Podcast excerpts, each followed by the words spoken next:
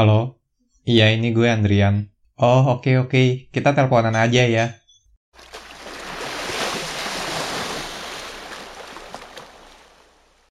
Oke guys, di episode kali ini gue bakalan ngobrol banyak tentang pengalaman dan tantangan menjadi guru di usia yang bisa dibilang sangat muda. Dan sekarang gue sudah terhubung dengan salah satu, eh dengan satu-satunya sahabat gue dari kelas 2 SMP. Dengan siapa, Mas? Halo, selamat malam. Selamat malam. Ya, jadi gue ngenalin diri gue dulu ya? Iya, kenalin diri lu dulu. Oke, oke, oke, oke. Eh, jadi kenalin, nama gue Bregas Parikesit. Cukup, cukup panggil Brega saja, karena nama gue susah. Banyak orang yang belibet-belibet. Dan uh, untuk saat ini, uh, gue sedang berkuliah sambil ngajar juga nih, Bre. Atau mau disebut ini, gue ngajar dan kuliah di mana? Perlu gak? Nanti aja, nanti kita bakal... Oh, nanti aja. Oke. Okay. Oke, okay, siap-siap. Nah, tadi kan lu bilang kalau nama lu susah. Nah, uh. banyak orang yang akhirnya salah manggil lu dan manggil lu bergas, bukan bergas. Nah, Bener gak? Betul, betul. bergas. Betul. betul banget. Tapi gue gue tertarik nih sama arti nama lu karena waktu kita tes untuk pramuka penegak Garuda dan ketika kita menyerahkan berkas gitu, berkas administrasi yang menarik dari berkas lu adalah yang diperhatikan oleh pelatih bukan isinya, tapi nama lu Bregat Parikas. ya gue gue inget bre, gue inget gue inget. Nah sebenarnya arti nama lu sendiri ini apa sih Bre gitu? Oke okay, oke. Okay, hubungannya okay. sama Arjuna katanya. Betul. Uh, jadi uh, keluarga gue itu keturunan Jawa ya. Jadi bapak gue itu orang Jogja, kemudian ibu gue itu orang Lampung. Nah, jadi gue itu merupakan produk campuran atau blasteran bre antara Jogja dan Lampung. Nah, karena bapak gue ini uh, suka banget sama wayang, uh, yeah. dulu pas kecil sering nonton wayang, sampai sekarang pun masih suka. Padahal gue nggak tahu serunya di mana. Dan ternyata bapak gue pada saat gue lahir menamakan gue ada nama Parikesitnya dan Parikesit itu merupakan salah satu cucunya dari Arjuna dan anaknya dari Abimanyu Bre seperti itu. Dan oh. untuk Bregas itu artinya tuh banyak ya karena kalau menurut orang Jawa tuh Bregas Bergas tuh namanya multi tafsir banget. Jadi iya, iya. Uh, bergas tuh ada yang bilang sehat, bergas tuh ada yang bilang uh, gagah dan sebagainya. Jadi ya bisa disimpulkan Bergas tuh ya bisa dibilang sehat lah gitu, sehat dan seorang yang gagah gitu. Dan Parikesit kan uh, cucunya Arjuna, jadi ya mungkin kalau disatukan cucunya Arjuna yang sehat dan gagah kali ya. ya kayak gitulah kurang lebih. Tapi lo sampai sekarang masih sehat dan gagah kan? Ya namanya orang bre, kadang-kadang ada sakitnya lah. siap, siap. Kayak gitu. Nah, Tadi kan lu sempet nyebut kalau lo ini produk blasteran dari Lampung dan Jogja. yang paling berkesan itu, yang paling berkesan buat lo itu Jogja atau Lampung nih?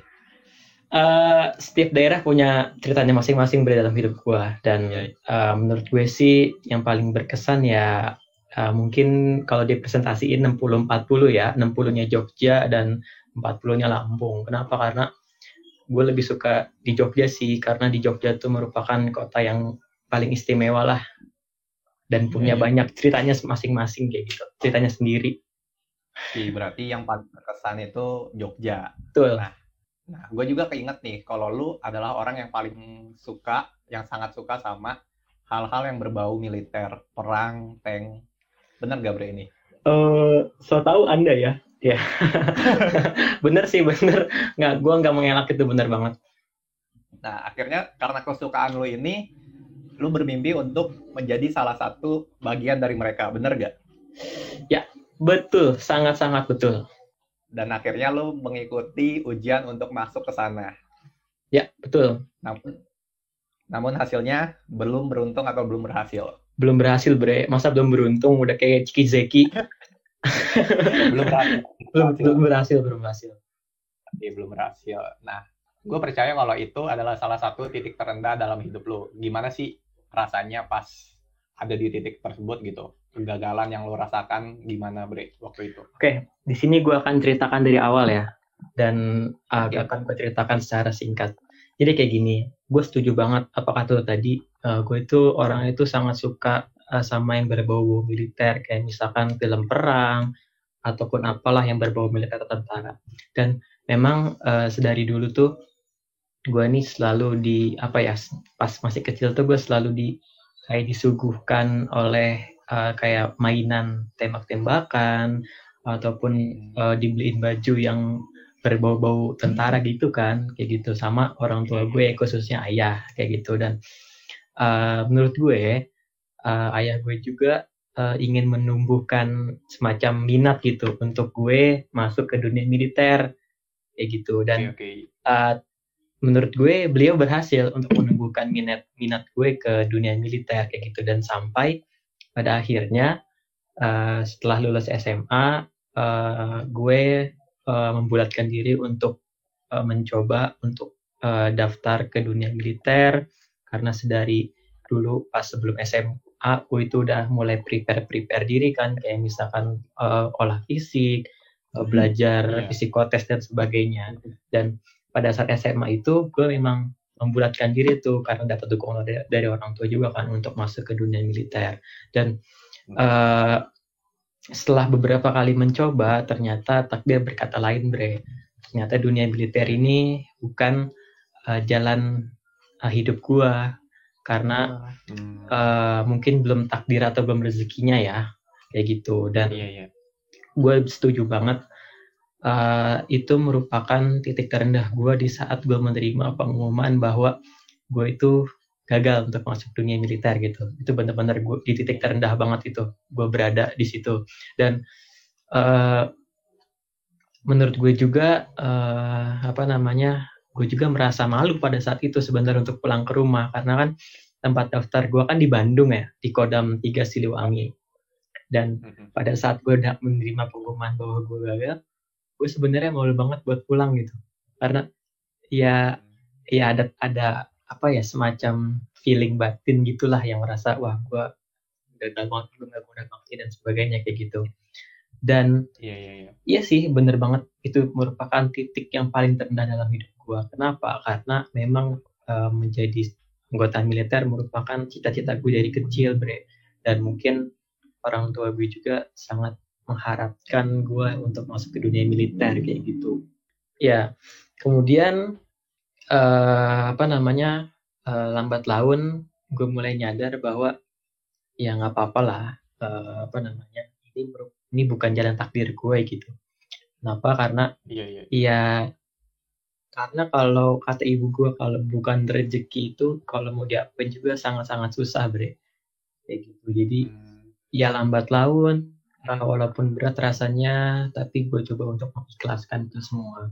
Karena gue percaya bahwa akan ada takdir yang lebih bagus akan ada takdir yang lebih baik yang menanti gue di masa depan. Gitu bre. Oke tadi kan lu bilang kalau lu setelah pengumuman itu di Bandung lu takut pulang. Karena ini merupakan cita-cita orang tua lu khususnya ayah lu dan juga cita-cita lu gini. Lu. Nah tapi pas lu udah pulang, gimana respon mereka ke lu gitu waktu saat itu, Bre? Hmm. Wah, di, ini cerita yang sangat emosional sih. Oke, nggak apa-apa. Silakan.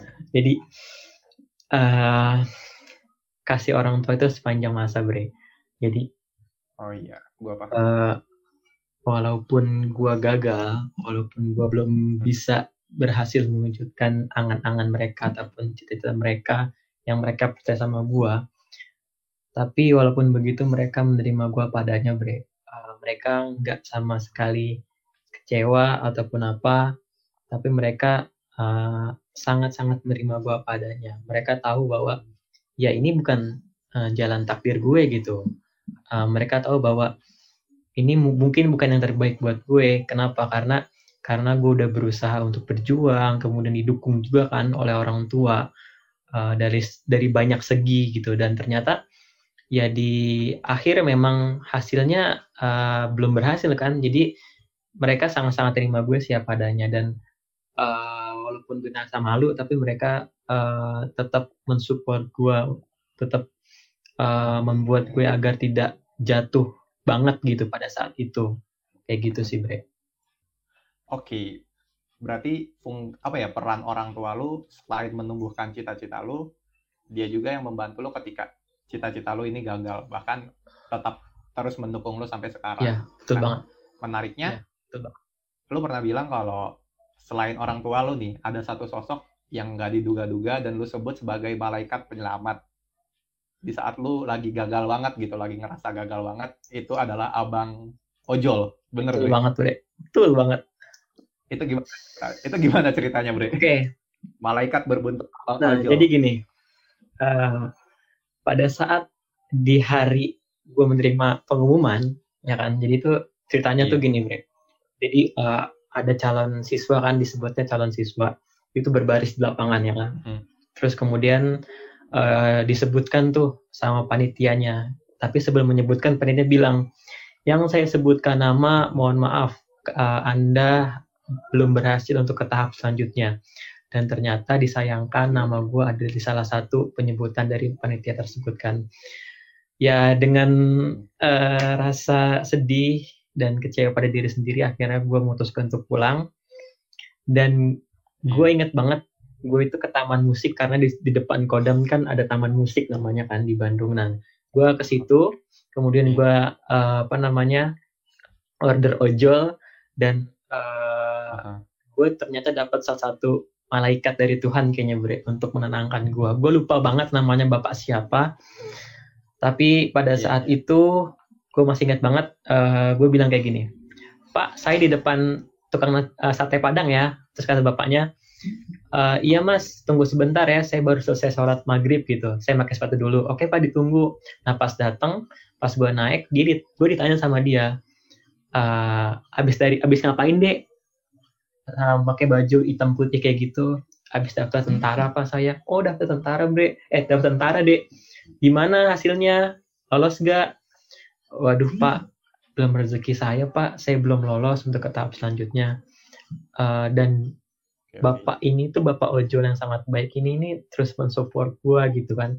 Nah, intinya dia bilang karena ini orangnya agamis ya agamis banget agamanya kuat. Jadi oh. dia menguatkan gue dengan uh, ya dengan kayak semacam berbau agamis gitu uh, mungkin belum rezekinya deh mungkin Tuhan belum uh, mengizinkan adik untuk di dunia militer dan sebagainya kayak gitu. Uh, terus tiba-tiba di tengah jalan, uh, di tengah jalan dia nanya sama gue, terus uh, rencananya gimana uh, deh abis ini mau kerja apa gitu. Terus uh, gue jawab dong, iya pak, insya Allah rencananya saya mau ngajar sambil kuliah.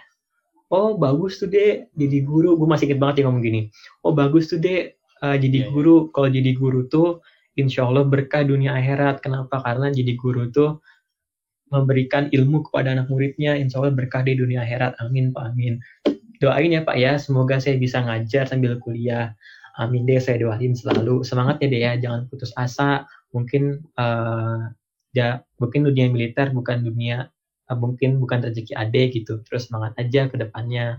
Kayak gitu. Lu bayangin bre, di saat gue lagi rendah-rendahnya, gue ketemu abang ojol yang kayak gitu coba lu bayangin ada satu banding berapa ribu Benar. ojol yang kayak gitu dan gue sangat-sangat bersyukur banget gila, ketemu gila. abang ojol itu emang kadang ojol tuh punya banyak pelajaran bre. dia mengagetkan kita mulu gitu bener banget sih gue setuju banget nah lo kan sempat nyebut kalau rencana lo berikutnya ke abang ojol ini lo akan menjadi -huh. guru dan itu terwujud bahkan sekarang pun lu masih menjadi seorang guru gitu. Iya, betul. Ketika iya.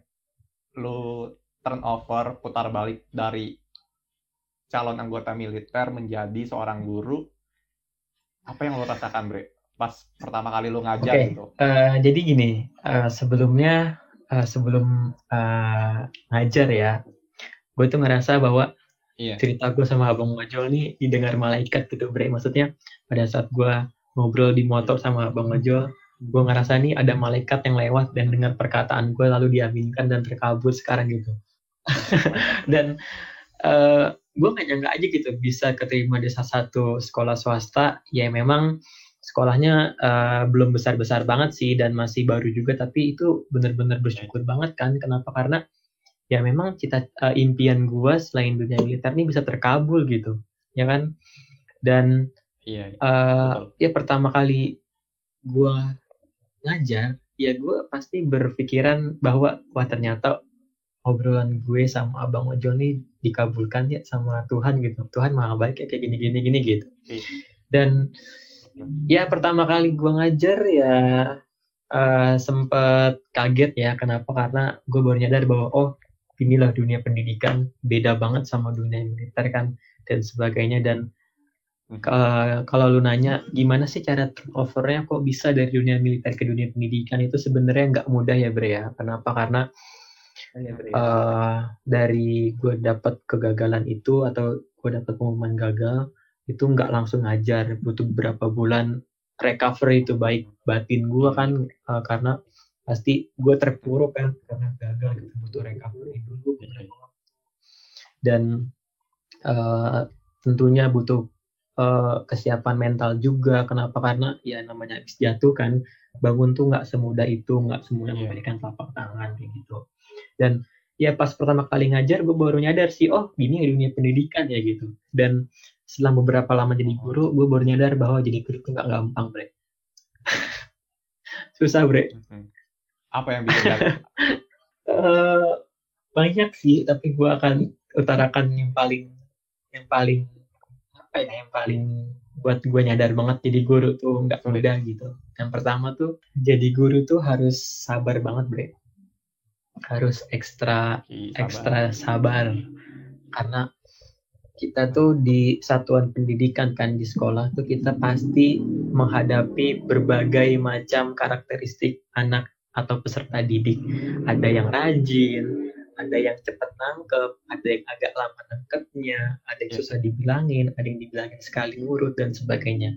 Dan kita sebagai seorang guru ya harus benar-benar sabar gitu untuk menghadapi itu semua. Kenapa? Karena jadi guru tuh sebenarnya panggilan jiwa bre kalau misalkan jadi guru tuh terpaksa wah itu berat banget sih sumpah hmm. dan ya kita harus sabar menghadapi setiap yeah. hari uh, dan setiap kelas tuh memiliki karakteristik masing-masing. Ada misalkan kelas A dia sangat cepat menangkap karena mayoritas anak-anaknya uh, di atas rata-rata. Ada kelas B yang lama banget nangkap materinya karena mayoritas anaknya itu agak-agak kurang merespon apa yang diberikan oleh guru dan sebagainya. Kayak gitu. Jadi ya harus sabar sih. Harus sabar banget. Terus kemudian yang paling susah menurut gue jadi guru itu adalah profesional jadi guru itu harus profesional. Kenapa? Karena ya kalau nggak profesional kita uh, susah juga untuk menerapkan profesi kita di sekolah. Kenapa? Karena jadi guru itu harus profesional. Salah satunya misalkan nih kita lagi ada masalah pribadi.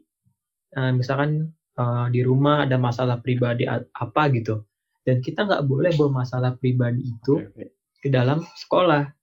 Nggak boleh itu bre. Hmm. jadi harus profesional gitu. Di mana kita bisa menempatkan diri di rumah ya masalah selesai di rumah jangan sampai masalah pribadi yang di rumah kita bawa ke sekolah dan itu akan berdampak pada yeah. peserta didik. Jadi misalkan kita cemberut aja di depan peserta didik nggak seperti biasanya kan itu nggak profesional. Jadi ya intinya jadi guru tuh misalkan kita lagi bete banget nih lagi bete banget banget nih lagi males banget gitu ya kita harus profesional dengan apa? Dengan menam, menampilkan penampilan terbaik kita menampilkan perform terbaik kita di depan kelas kayak gitu sih bre. Oke oke.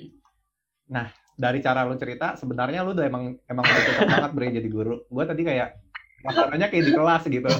Yang lagi diceramahin sama lu. Oh iya iya iya. Oke oke. Thank you bre.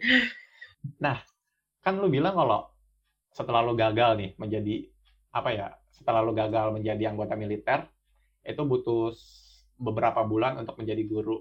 Nah, ketika beberapa bulan ini lo isi dengan apa gitu untuk menyembuhkan jiwa lo, menyembuhkan batin lo dan untuk teguh, gue harus jadi guru, gue yakin untuk menjadi guru gitu. Itu lo isi kegiatan nah, lo dengan apa, Bro?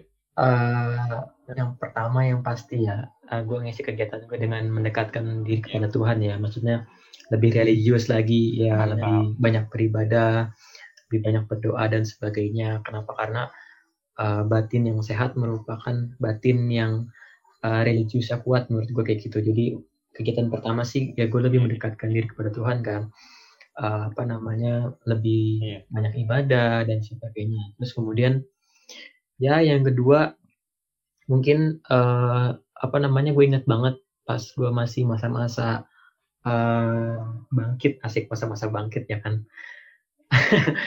ya masa-masa bangkit tuh eh gue eh, sempat searching-searching sih eh, gimana sih eh, cara menjadi seorang guru gitu dan eh, gimana sih mm, jadi guru yang baik gue sempat searching-searching di Google kenapa? Karena emang dalam hati gue tuh udah ibaratnya tuh udah eh, udah minat ke guru kayak gitu. Eh, gimana sih cara jadi seorang guru yang baik kayak gitu. Dan eh, gue mulai menerka-nerka eh, nanti eh, gue mau jadi guru apa ya gitu. Kayaknya untuk guru MTK gue nggak mau deh karena Iya, iya. gua aja pas SMA rembet mulu ya kan MTK jadi guru. Gue tahu. Gue iya kan lu tahu kan gimana gua? Dan jadi guru fisik nah makanya itu, jadi guru fisika nggak mungkin banget ya kan? Nggak mungkin. Itu Nggak mungkin. mungkin banget. Mustahil. Nah, Fisika jadi- tiga soalnya. jadi jadi guru agama juga mungkin eh, rada-rada nggak mungkin ya karena lu tahu sendiri gue kayak gimana kan. Jadi eh, apa Iya, namanya di situ gue eh, dapet minat eh, kayaknya gue lebih minat ke apa namanya ke profesi guru yang mengampu mata pelajaran sosial deh. Kayak misalkan PKN, IPS dan sebagainya kayak gitu. Kayak gitu sih bre. Jadi intinya sih eh, pas di masa-masa itu gue eh, banyakin beribadah dan mulai kayak searching-searching nih gue minatnya di mana ataupun nanti gue mau ngambil kuliah di mana gitu. Gue udah mulai searching-searching karena kan rencana gue memang rencananya kan gue mau ngajar sambil kuliah gitu. Nah, pas lu emang udah teguh jadi guru dan ketika dunia tahu gitu, Bregas Parikesit meninggalkan cita-cita lamanya dan menggapai cita-cita barunya menjadi seorang guru. Itu mengagetkan banyak orang gitu, Bre, termasuk gue. Nah, gue pasti percaya nih kalau respon orang-orang, respon lingkungan pasti pada nanya, kenapa jadi guru gitu, Bre? Dan gimana lu Siap. menjawab mereka gitu? Lu kaget ya baru tahu gue Lo kaget, Bre. Lu baru lulus udah jadi guru SMK aja, Bre. Kaget gua. gini, eh, gimana respon-respon orang ketika eh, tahu gue turnover banget kan dari dunia militer ke guru. Jadi, Iya, betul. eh, Gas, kenapa sih kalau jadi guru gitu? Ya gue jawab, iya jadi guru tuh panggilan jiwa gitu.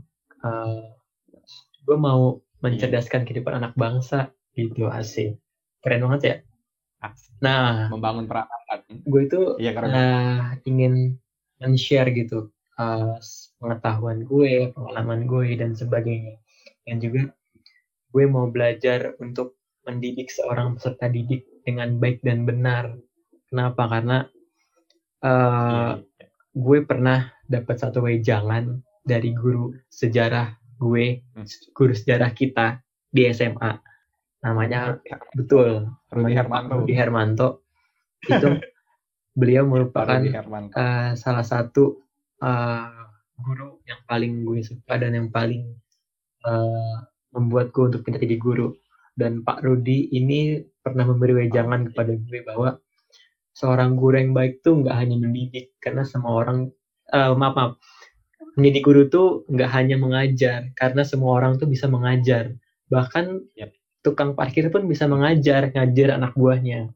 Nah, seorang guru yang baik tuh adalah benar. seorang guru yang bisa mengajar dan mendidik. Kenapa? Karena semua orang nih belum bis- belum tentu bisa Iya. untuk mendidik.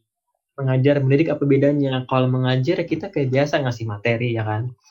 Tapi kalau mendidik kita mengarahkan anak itu eh, untuk tumbuh ke arah yang lebih baik gitu. Misalkan kalau dia salah kita bilang salah dan kita benerin ke arah yang benar.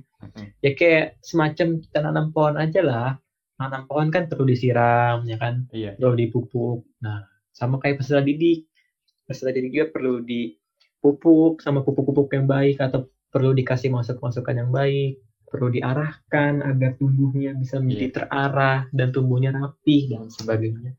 Kayak gitu sih bre. Oke, berarti secara gak langsung Pak Rudi Hermanto adalah inspirasi lu menjadi guru di mata pelajaran sosial. Padahal lu itu IPA, Bre, SMA-nya. ya betul Ya kan? betul betul Tapi selain Pak Rudi Hermanto, ada lagi gak inspirasi lu untuk mengambil mata pelajaran sosial ini? Ataukah atau emang cuma karena gue nggak mau TK, fisika, IPA, dan lain-lain? Eh, apa namanya selain beliau kenapa gue minat untuk eh, ke pelajaran sosial karena gue baru nyadar seminggu sebelum Iya. UN ternyata gue salah jurusan gue juga nyadar Serius. hal itu. hari Senin ha- hari Senin UN Serius gue nyadar. dan hari Senin Iya. se- seminggu sebelumnya gue nyadar aduh gue kesalah nih ngambil jurusan IPA Heeh. gimana ya dan ya memang sebenarnya eh minat gue itu sebenarnya di sosial sih bre kenapa gue masuk IPA ya karena berhubungan sama dunia militer itu. Karena ada sih salah satu penerimaan dia men- hanya menerima eh, peserta SMA yang jurusan IPA kalau IPS nggak diterima. Nah salah satunya gue masuk IPA itu karena eh, ingin ke dunia militer sebenarnya. Makanya kayak gitu Ya, ya. makanya agak dipaksa-paksain sedikit yang lain mah cepat banget ngertinya pelajaran kimia fisika biologi lah gua mah apa tuh Iya iya iya, gue paham gue paham. Oke, berarti selain Pak Rudy Hermanto juga karena IPA itu kan gaya lu banget lah gitu ya. Oke. Nah, lu kan tadi sempat bilang nih kalau jadi guru tuh kuncinya dua. Hmm. Gue ngambil kuncinya dua, yaitu sabar dan profesional. Nah, pasti kan kesabaran lu ada batasnya nih. Nggak mungkin lu jadi Iya. orang yang paling sabar. nah, pernah gak sih ada kejadian di mana ketika lu ngajar apa ya anak didiknya ini bikin kesabaran lu habis gitu udah gak ada lagi sisanya? Em, pernah sih pernah tapi gini eh, jadi guru tuh ada kode etiknya sama kayak tentara asik sama kayak tentara Iya, guru bener. tuh ada kode etiknya salah satunya adalah jadi guru tuh nggak boleh main tangan. Nggak boleh tuh asal nabok anak orang nggak boleh. Nggak boleh asal nendang anak orang nggak boleh. Nah dan pernah sih ada satu peserta didik yang membuat kesabaran gue habis gitu. Dan ya gue sebagai guru iya. hanya menegur aja secara tegas ya menegurnya ya. Nggak main tangan karena itu gue tahu itu nggak boleh. Eh, ada kode etiknya nggak boleh main fisik dan sebagainya. Gue menegur tapi menebu- menegurnya dengan tegas dan agak sedikit keras gitu yang sampai membuat satu kelas tuh hening. Itu pernah. Gitu. Dan Oh, eh, oke, menurut gue eh, walaupun kesabaran gue habis dan gue agak sedikit menegaskan dengan cara yang Hmm. sedikit keras gitu ya maksudnya kayak kayak memberikan misalkan Iya, iya. eh, kamu ngapain kayak gini-gini bla bla bla bla gitu. Kan tegas kan gitu dan menurut gue nggak masalah sih asalkan Ah. dia tahu salahnya apa salahnya di mana biar ke depannya dia itu bisa memperbaikinya gitu. Paham gak maksudnya? Ah, asalkan kita nggak main tangan nggak main fisik itu nggak apa-apa. Pun kalau kita eh, apa namanya memberikan dia peng- apa membe- memberikan dia pengertian dengan tegas itu nggak apa-apa. Asalkan dia tahu kesalahan dia di mana dan dia ke depannya bisa eh, memperbaiki dirinya kayak gitu. Jangan jangan eh, kita tuh jadi guru tuh jangan misalkan eh, anak anak didik kita nggak salah apa apa terus kita eh, omelin. Nah itu jangan karena dia bingung. Kan gue nggak salah apa apa kok gue diomelin? Salah gue di mana? Nah. Kayak gitu. Betul. tapi kalau misalkan dia salah kita boleh berikan boleh kita ingatkan, boleh kita tegur dengan tegas asalkan dia tahu salahnya di mana. Kayak gitu. Oke, oke. Berarti lu menegur dengan Ah, betul, peserta didik itu sehingga si anak itu Nah, bisa mengevaluasi Karena gini, gitu, Bre. Dalam dunia pendidikan itu sebenarnya nggak ada salah atau benar. Nah, tapi dalam dunia pendidikan itu kita Hmm. sebagai tenaga pendidik atau guru eh, kita sebisa mungkin bisa mengambil pelajaran dari dari suatu kesalahan yang ada agar bisa kita berikan eh, apa namanya semacam arahan kepada peserta didik agar tidak mengulangi lagi di masa yang akan mendatang kayak gitu dari dunia pendidikan. Gue paham, Bre. Lu bijak banget dah malam ini. Ya, ya beginilah, Bre. Gila, gue kalau gue kumpulin nih dari menit pertama. Udah banyak quotes nih. Gue kasih tanda kutip, strip bergas parkas Banyak banget nih quotesnya sih. Eh, aduh. Berarti dua kunci itu lo selalu pegang gitu, sabar dan profesional. Walaupun sabar ini emang ada batasnya, tapi lo tetap profesional dengan cara menegur dan memberi Betul. edukasi dan evaluasi untuk Betul, mereka. betul. Mantap, Bre. Mantap. Terima lu kasih, Bre. Terima banget, Bre, kasih. jadi guru, Bre. Nah, tapi kan yang menarik jarak usia lu sama mereka kan nggak jauh bre satu tahun atau dua tahun pertama sih kali satu waktu tahun pertama lu setengah hampir dua tahun lah satu tahun setengah nah, cara lu menghadapi itu gitu jarak usia yang yang apa ya yang nggak terlalu jauh apakah dengan menimbul apa memunculkan kumis memunculkan muka sangar atau Oke gimana Bre? oke. Jadi gini, eh jadi kan sekolah eh, tempat gue ngajar kan sekolah swasta ya, dan belum terlalu lama berdiri juga dan memang eh, sekolah ini tuh eh, apa namanya kekurangan tenaga pendidik gitu. Dan oleh karena itu kenapa gue bisa menjadi seorang guru di sana karena mereka emang eh, sedang kekurangan tenaga pendidik dan ternyata gue setelah di interview dan mereka cocok sama gue dan ternyata alhamdulillah gue bisa mengajar di situ kan. Nah karena problem utama gue Iya, iya, range iya. umur tentang umur jadi eh, apa namanya Iya. eh, ap- ya dengan itu bre Mhm. kata lu tadi dengan memberikan penampilan yang lebih tua daripada umur gue kayak gitu dengan misalkan bukan kumis nah terus juga kamu benar minum kopi tiap pagi siang sore. Dan eh, ya dari penampilan sih dari segi penampilan sih. Maksudnya kita pakai baju tuh jangan terlalu besar karena kalau terlalu besar tuh wibawa kita hilang. Pakai baju yang nge- eh, ngepas sama body kita nggak ngetat juga. Ketat eh, ngepas ngepas gitu. Nggak ketat. nggak kekecilan ngepas. Kemudian da- dari attitude Pas, ketat. Dari attitude kita juga itu udah Pas, pasti banget dari sikap kita attitude kita juga harus dijaga kayak gitu. Itu aja sih sebenarnya dan eh apa namanya yang paling penting sih eh, kita harus berwibawa jadi guru ya. Kenapa? Kan menurut gue jadi guru tuh eh, jangan sampai ditakuti oleh para peserta didik. Tapi jadi guru itu harus disegani oleh Hmm. peserta didik kayak gitu. Karena kalau misalkan kita jadi guru tapi kita ditakutin oleh peserta didik berarti ada yang salah dari kita. Mungkin kita terlalu galak ataupun apa. Tapi kan kalau disegani kan eh, kita juga terkadang bisa enjoy ke mereka. Mereka juga bisa enjoy ke kita kayak gitu. Jadi nggak terlalu ini sih nggak terlalu banyak hal-hal yang buat gue eh, jadi tua sih. Mungkin dari penampilan sikap dan numbuhin kumis itu cara yang gue terapkan gitu. Numbuhin kumis. Iya iya iya lucu juga ya. Lu gak pernah pakai kumis kan? Dari pertama lu ngajar kan? Eh, belum sih. Belum belum. Ya kan benar benar. Nah bre kan Heeh. dua kunci ini udah lu pegang banget nih. Sabar profesional.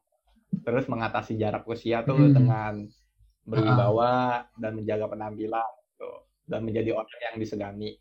Nah pasti kan lu gak Heeh. tiba-tiba pertama kali masuk kelas nih lu gak langsung nemu model pembelajar eh model mengajar yang sesuai Oke, dengan oke, gaya oke. lu dan gaya mereka gitu Nah. nah itu butuh berapa oke oke oke menemukan cara jadi mengajar gini yang tepat gitu eh kalau misalkan cara mengajar gue itu tiap kelas itu berbeda-beda bre kenapa? Karena tadi gue jelasin kan setiap kelas tuh punya karakteristiknya masing-masing.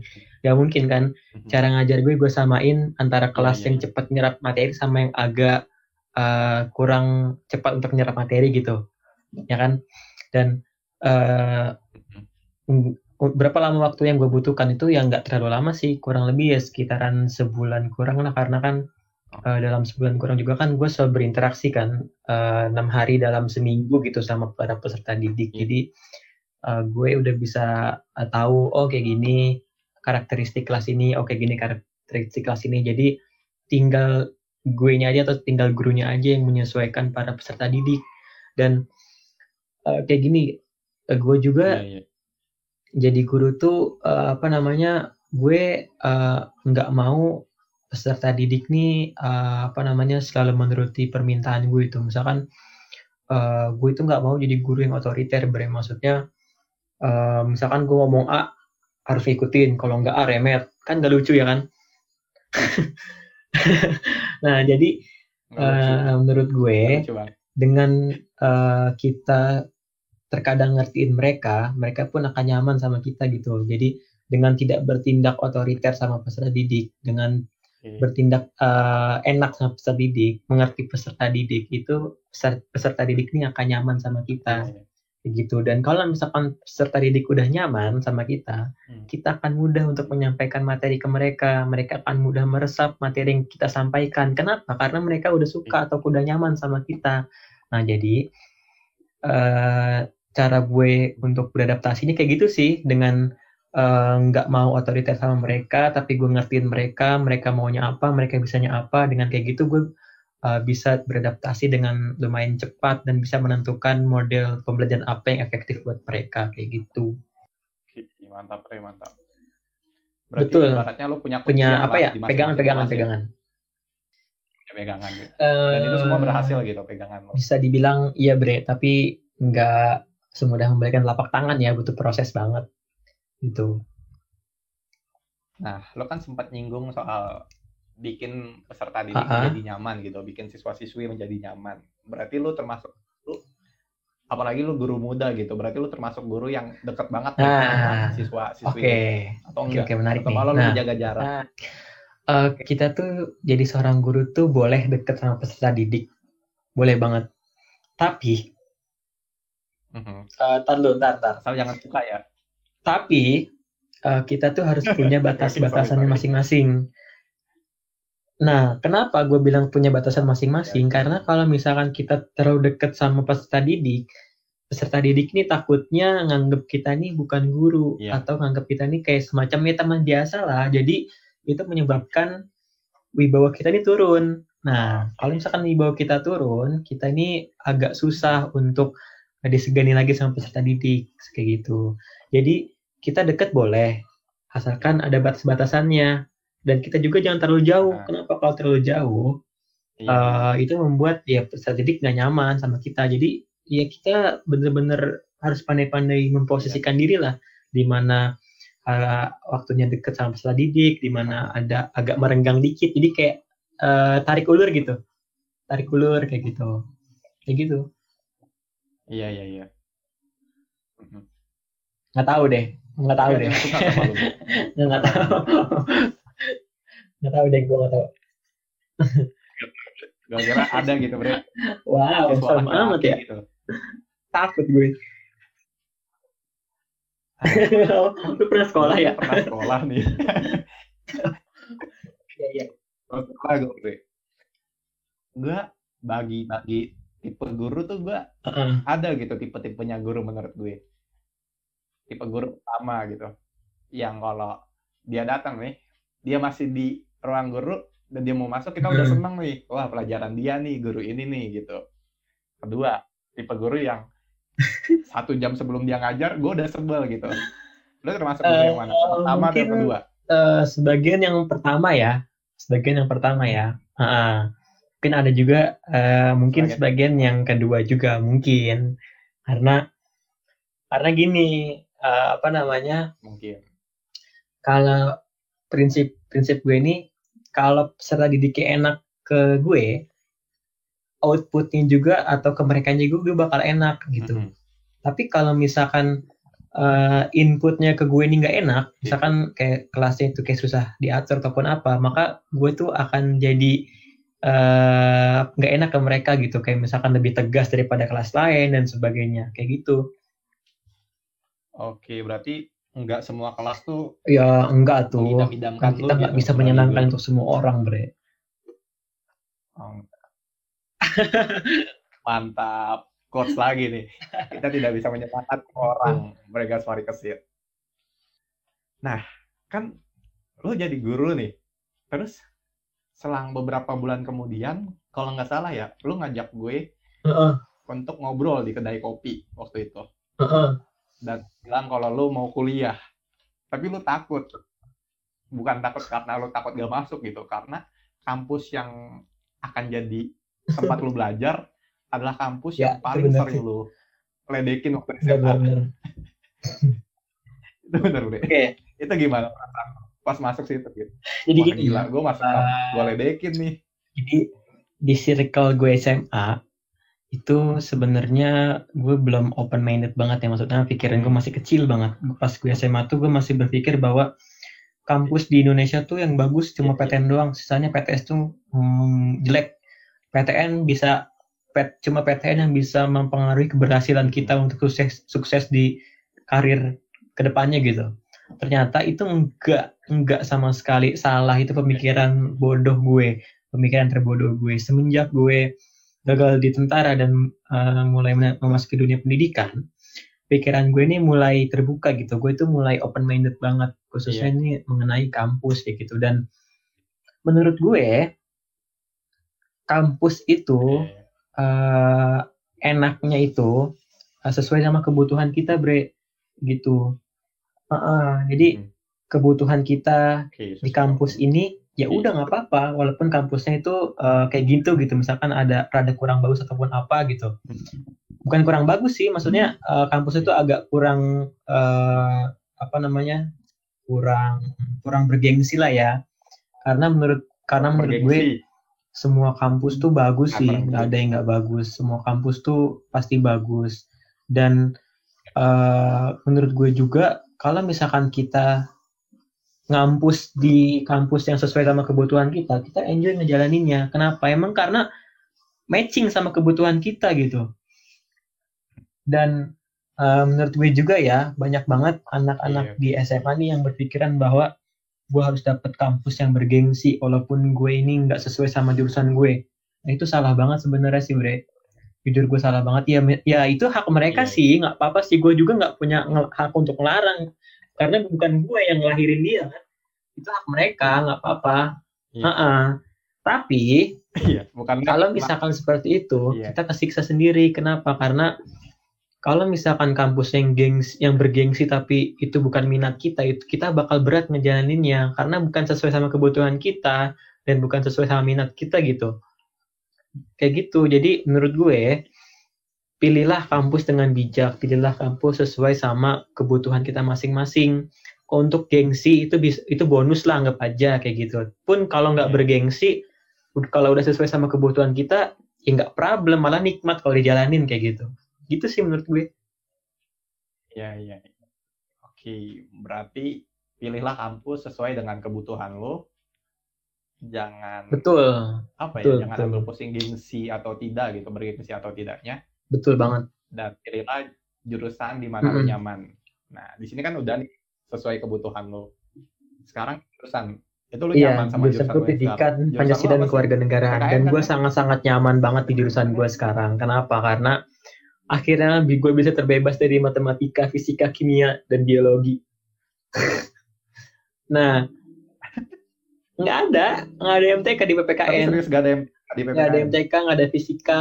Paling nanti di semester 5 ada medlit namanya. Ya itu mah beda lagi kan, itu mah buat uh, buat PKM buat penelitian itu beda lagi. Itu Tapi apa? untuk konteks MTK apa pun itu tuh nggak ada di jurusan gue. Gitu. Ya betul. Nah PPKN, lu ngajar juga PPKN kan?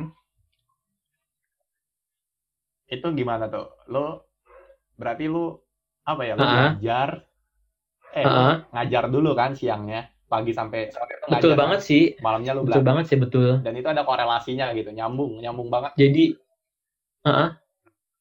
kenapa kenapa kenapa? Tapi kan lu nah, lu dulu dulu dulu. dulu jadi apa?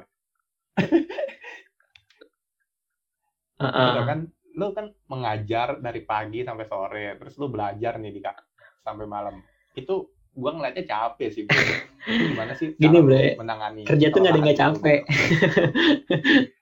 iya.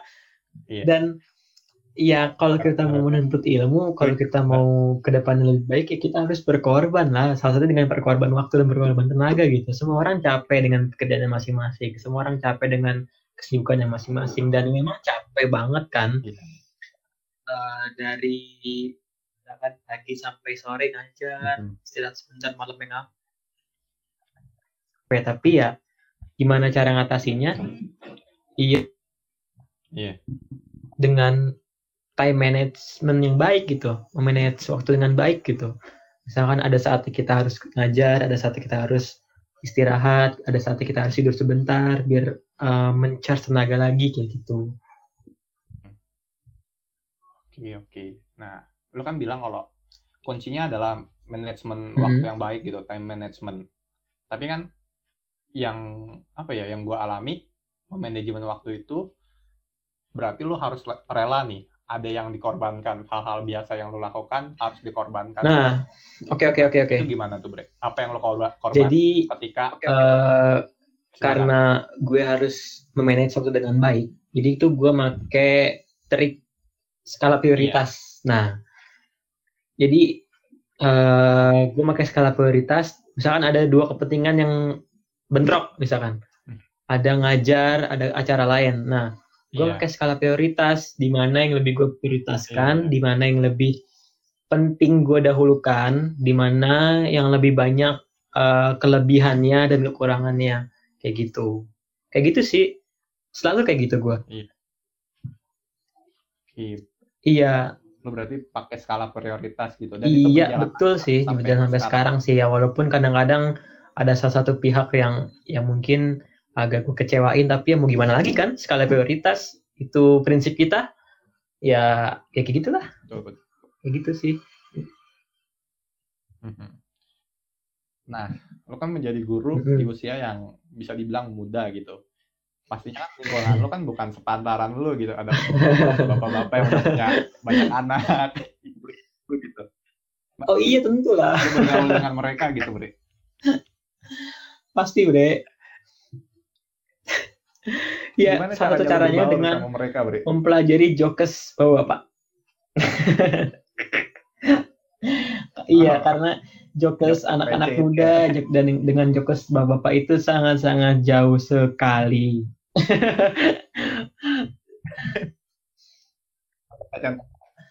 Gue mau tahu bercandaan anak tuh Eh gimana ya? Gini nih, eh receh banget sih, receh banget sumpah. Dan sulit dimengerti gitu, di mana lucunya. Tapi gue bingung bapak-bapak kok bisa ketawa lebar gitu, ya kan? Contohnya gini, gini, kan kalau panas kan atau Iya. gerah bahasanya kan hardang ya, hardang, hardang. Nah, jadi ada satu ada salah satu guru hardang. masuk ke kantor, terus bilang, aduh hardang nih, Iya. pada ketawa bre gitu hahaha gitu dan gue bingung lucunya di mana gitu dan mereka tertawanya kayak ha, apa namanya lucu banget gitu. Wah iya ini haridang haridang gitu. Dan itu contoh bacaan bapak-bapak gitu. Dan gue harus beradaptasi dulu harus beradaptasi dulu kan. Ini gimana cara ah, lucunya kan gimana lucunya gimana cara gue ketawanya gitu. Tapi lambat tahun ya akhirnya eh, bisa beradaptasi lah. Kenapa? Karena lingkungan sangatlah berpengaruh kepada person gitu. Lingkungan lingkungan lingkungan itu benar-benar mempengaruhi kita banget sih dan ya efek sampingnya ada ada apa efek sampingnya kalau misalkan gue ngumpul sama teman-teman yang sepantaran gue gue lebih tua sendiri di hadapan mereka Oke, oke. Tapi tapi gue penasaran, gue. Gue penasaran, gue penasaran. Lu pernah gak sih nyiptain momen kayak bapak-bapak itu tadi gitu?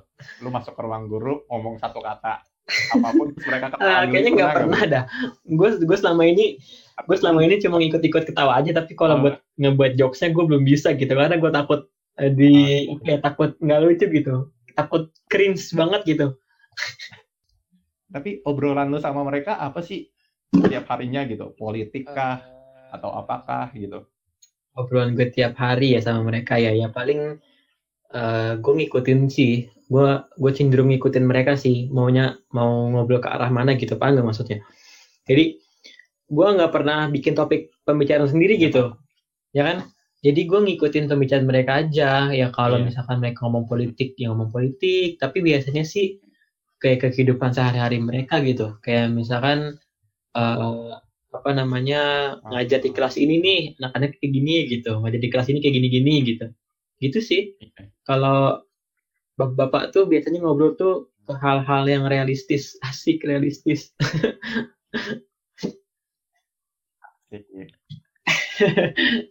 Yang Gimana misalkan realistis eh apa namanya? Ya apa namanya? Eh gimana ya? Ntar dulu gue inget-inget dulu. Hmm, oh ya. Misalkan ya saya mah kalau nggak ngopi lemes. Nggak tahu kenapa gitu. Eh, saya mah kalau siang-siang harus ngopi. Kalau nggak ngopi eh, ada yang kurang lemes gitu kayak gitu realistis banget kan Iya kayak curhat gitu Iya iya iya. Nah, lo berarti Alhamdulillah sekarang ngajar masuk ke guru? tahun kedua sih. Ya, Gila, lama juga ya. waktu udah cepat berlalu. Bre. Semuanya eh, berlalu begitu cepat. Iya iya iya. Nah, tapi kan lu juga dipercaya, Bre, jadi Iya, betul. pembina Pas Kibra, Bre. Paskibra ya? Atau Pramuka sih? Eh, Oh, Paskibra. Terus Iya, itu gimana tuh kan ceritanya? sebelum masuk kan di interview dulu kan sama kepala sekolah itu udah pasti kan. Eh, terus ditanya "Ah, kamu Iya. eh, bisa apa namanya berorganisasi gak suka gak berorganisasi gue bilang bisa berorganisasi Eh, kalau bisa dibilang suka ya suka tapi nggak terlalu suka banget kayak gitu. Jadi karena eh, apa namanya sempat ada pembina tapi pembinanya nih maksudnya eh, udah rada-rada berumur gitu ya. Udah eh, kan di, udah udah berkeluarga udah Iya. berumur jadinya agak susah untuk menyempatkan waktu jadinya sempat diberikan ke gue pembinanya. Kenapa? Karena mungkin eh, gue dianggap sama mereka berkompeten mungkin ya karena eh, gue bisa berorganisasi juga dan juga gue pas SMA ada track record masuk organisasi kan kayak gitu jadi eh, mungkin mereka percaya bahwa gue Iya. bisa megang organisasi uh, paskibraka kayak gitu tiap hari Selasa Oke. Itu latihannya setiap hari Sabtu. Mm, tiap hari Selasa Oh, setiap hari Selasa. Berarti lu ngajar enggak gini kelas, pembina ngajar sama pelatih beda bre. nah pembina uh, uh, jadi pelatih itu ada ranahnya sendiri. Kalau pembina itu kayak semacam Oke. yang mengawasi mereka. Kalau misalkan mereka ada kegiatan gue harus tahu. Dan kalau ada apa-apa sama mereka pembina yang tanggung jawab. Kalau pelatih ada lagi kayak gitu. Tapi kalau pembina ya overall kayak membina gitu. Membina mengawasi mendampingi mereka kalau lagi latihan kayak gitu aja sih sebenarnya sama ngurusin administrasi pelatih administrasi mereka kalau mau lomba mau ikut seleksi pas kecamatan kabupaten kayak gitu sih paling Mm-mm. Oke, oke, gue paham bedanya pembina sama pelatih. Tapi setelah paskib ini, eskul paskib ini lo bina gitu, ada perubahan yang jauh gak?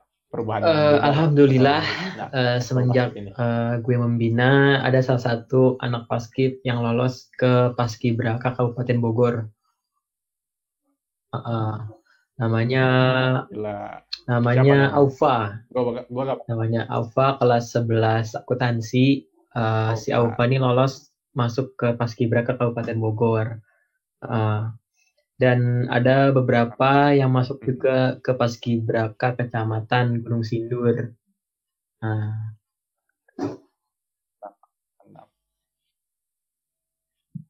Itu berarti apa ya Mhm. dari sekolah lu yang masuk paskibraka ya itu betul betul. baru pas lu Karena mungkin- sebelumnya nggak ada sama sekali. Ya, alhamdulillah sih. Berarti Tapi ya, bro. ya mungkin eh, belum ada wadahnya kali ya, karena mungkin yang pembina sebelumnya kan tadi gue udah bilang agak berumur dan agak susah untuk membagi waktunya mungkin kayak gitu. Kayak gitu sih. Iya, iya, iya. Mhm. Oke, nah setelah dua tahun lu mengajar jadi guru dan lu juga dipercaya jadi pembina, lu udah sampai tahap atau sampai fase di mana lu yakin nih kalau guru adalah pekerjaan utama gue dan gue nyaman untuk menjadi guru seumur hidup gue. Udah sampai belum, Bre? 80 persen, insya Allah. 80 persen. Eh, karena 80%. ya apa namanya gue nyadar bahwa jadi guru tuh memang gak mudah sih tapi gue yakin eh, untuk menekuni pekerjaan gue sebagai seorang guru gitu ya butuh proses lah kali ya karena semuanya kan gak ada yang instan nggak ada nggak kayak lu masak mie eh, dikasih air panas tiga menit jadi langsung dimakan itu enggak. Dalam kehidupan tuh butuh proses perlahan tapi pasti. Kayak gitu. Bener-bener, Bre, bener, Bre.